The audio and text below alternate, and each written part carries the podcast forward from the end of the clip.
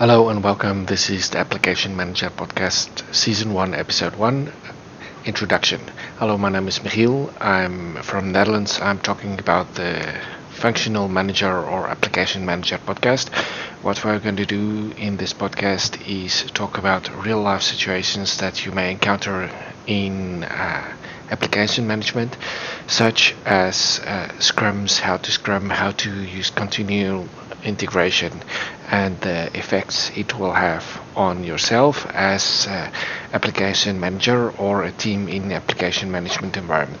We'll also speak to to test testers. Uh, or do some practical things about testing, and this podcast is about real life situations and and to be really practical, hands-on, no theory, with uh, sort of tutorial type of thing. So I hope you uh, will enjoy the podcast and come back for more.